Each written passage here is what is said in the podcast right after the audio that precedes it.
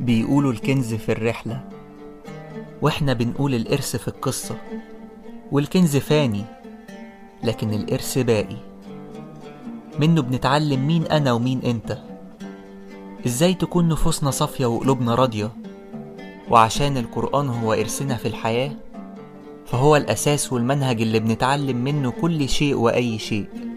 حبينا في شهر الخير ما نتعلمش غير الخير. ونقدم لكم قصص تكون ليكم الإرث الحقيقي في الحياة. انتظروا أولى حلقات برنامجنا إرث. كل يوم جمعة في رمضان الساعة عشرة مساء إن شاء الله. وهيكون معانا آيات من تلاوة القارئ محمد باسم. أنا مصطفى حسين وده الإرث الحقيقي.